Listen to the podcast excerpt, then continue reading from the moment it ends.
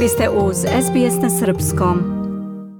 Mere za sprečavanje širenja virusa korona u poslednje vreme se pouštravaju skoro svakodnevno. Stanovništvo Australije do sada nije imalo mnogo iskustva sa društvenim distanciranjem i zbog toga se mnogi pitaju šta u ovakvim okolnostima smemo da radimo, a šta nije dozvoljeno. Premijer Australije Scott Morrison je nakon sastanka nacionalnog kabineta u nedelju uveče rekao da je pooštravanje mera neophodan sledeći korak, jer vlasti u Australiji nisu uverene da stanovništvo ozbiljno shvata razvoj pandemije u zemlji. On je iskazao svoje duboko razočarenje što se uglavnom mlađi ljudi tokom proteklog perioda masovno okupljali po plažama, noćnim klubovima i barovima, uprkos zahtevu da se održi društvena udaljenost od 1,5 metar. To je dovelo do odluke da se na nacionalnom nivou zatvore sva licencirana mesta, klubovi, pubovi, barovi, bioskopi kao i sportski objekti gde se aktivnosti dešavaju u zatvorenom prostoru što uključuje i teretane i fitness centre. U sredu je došlo do novih promena i zabrana. Aviokompanije su drastično smanjile broj letova, a svi kozmetičarski saloni su sada zatvoreni. Vlasti su saopštile da će kućne žurke i okupljanja biti kažnjavana i da su skupovi van kuće u parkovima ili slično takođe zabranjeni. Za sada je skup od 10 ljudi dozvoljen u zatvorenom prostoru uz pravilo da svaka osoba ima sobstveni prostor od 4 kvadratna metra. U Novom Južnom Velsu preduzeća koja prekrše mere o socijalnom distanciranju biće kažnjena i do 5000 dolara, dok se kazne za pojedince kreću u iznosu od 1000. Epidemiolog i ekspert za zarazne bolesti, dr. Meru Shiel sa Australijskog nacionalnog univerziteta, kaže za SBS News da je društveno udaljivanje poznat način suzbijanja epidemija poput virusa korona. Think the main thing is to minimize your everyday interaction with the number of people that you might normally interact. Verujem da je najbitnije smanjiti broj svakodnevnih interakcija sa drugim ljudima, čak i ako su to ljudi sa kojima se viđate često u normalnim okolnostima.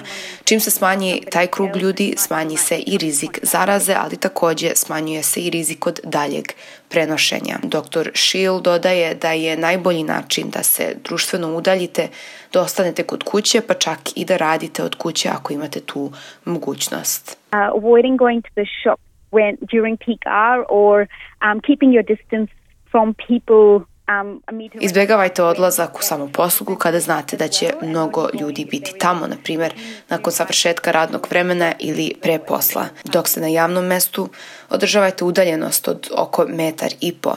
Bitno je istaći da u samoposlugu treba svi da idemo samo kada nam nešto zafali i da imamo konkretan spisak da se ne bismo bespotrebno zadržavali. Kada su u pitanju frizura i lepota, dr. Shield kaže da svako mora da napravi sobstvenu odluku o tome da li je hitno da se ode kod frizera, a u situacijama kada se ne osjećate dobro, obavezno otkažite zakazani termin. Look, I think um, if you can minimize and avoid going to any of these um, places, then that's a good thing. But of course, we understand that. Bilo bi idealno da se takva mesta izbegavaju, ali nekada to nije moguće jer je razumljivo da će morati u jednom momentu da se, na primjer, ošišate. U toj situaciji idite samo ako ste zdravi i osjećate se dobro. Pre nego što stignete u salon, operite dobro ruke i nadam se da će frizer učiniti isto to. Između svakog klijenta treba da se održava prostor od metar i po do dva metra. Nažalost, postoje situacije kad društvena udaljenost od 1,5 metar nije moguća. Nekima će, recimo, tokom narodnog perioda biti potreban javni prevoz koji za sada nastavlja da funkcioniše. Dr. Schill kaže da je u tim situacijama bitno da svako održava visok nivo lične higijene. If you can avoid public transport, you should. But of course we understand that some people have to take Ovo je primjer još jedne situacije gde ako možete da izbegnete javni prevoz, onda treba to i da uradite. Naravno, to za neke nije moguće, pa u tom slučaju perite ruke redovno i imajte pri ruci dezinfekciono sredstvo na bazi alkohola. Čim izađete iz prevoza, odmah operite ruke pre nego što dirate usta ili lice. Većina ljudi koji rade, uče ili su u samoizolaciji kod kuće takođe se pitaju da li smeju da vežbaju na polju i da izađu u šetnju na svež vazduh.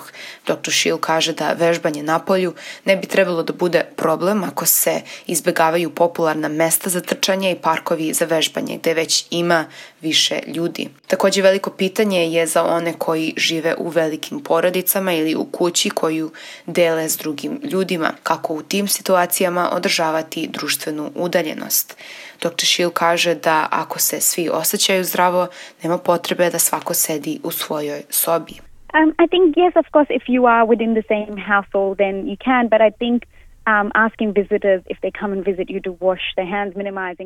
Naravno, ako živite u istoj kući, logično je da ćete se viđati i deliti iste prostorije.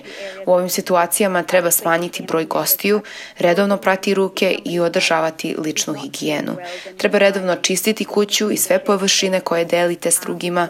Ako se neko ne osjeća dobro, savjetujem da ta osoba boravi jedno vreme u odvojenoj sobi i da se redovno čiste prostorije koje i dalje morate da delite. Više o tome šta možete da radite i gde možete da se krećete u kriznom periodu možete pronaći na web stranici državne vlade ili teritorije u kojoj živite. Možete takođe posetiti sajt australia.gov.au. Želite da čujete još priča poput ove? Slušajte nas na Apple Podcast, Google Podcast, Spotify ili odakle god slušate podcast.